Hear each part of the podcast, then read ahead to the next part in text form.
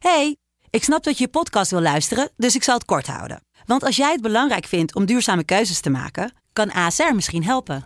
Nou hoor ik je denken, hoe dan? Nou, bijvoorbeeld bij het duurzaam herstellen van schade. Of de premies die we beleggen volgens ons duurzaam beleggingsbeleid. Dat bepaalt waar we wel en juist niet in investeren. Wil je meer weten over welke duurzame keuzes ASR maakt? Ga dan naar asr.nl slash duurzame keuzes. ASR doet het. Zo, dan kan je nu lekker naar je podcast luisteren. De stroom.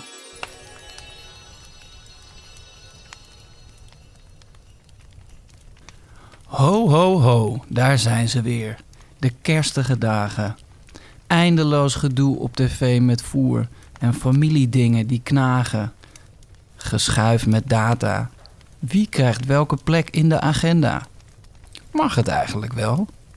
Hoe zit het dit jaar? Let iemand daar nog op? Of is dat klaar? Wat valt er te vieren? Of is dat juist het punt dat we samenkomen en zien hoe fijn dat kan zijn?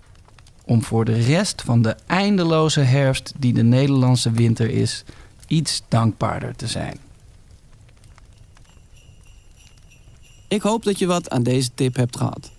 Dat je de boel even de boel hebt kunnen laten. Heb jij zin in nog meer fijne podcast? Luister dan eens naar Vader of de podcast Use and J New Emotions. Geniet. Liefs, Pepijn.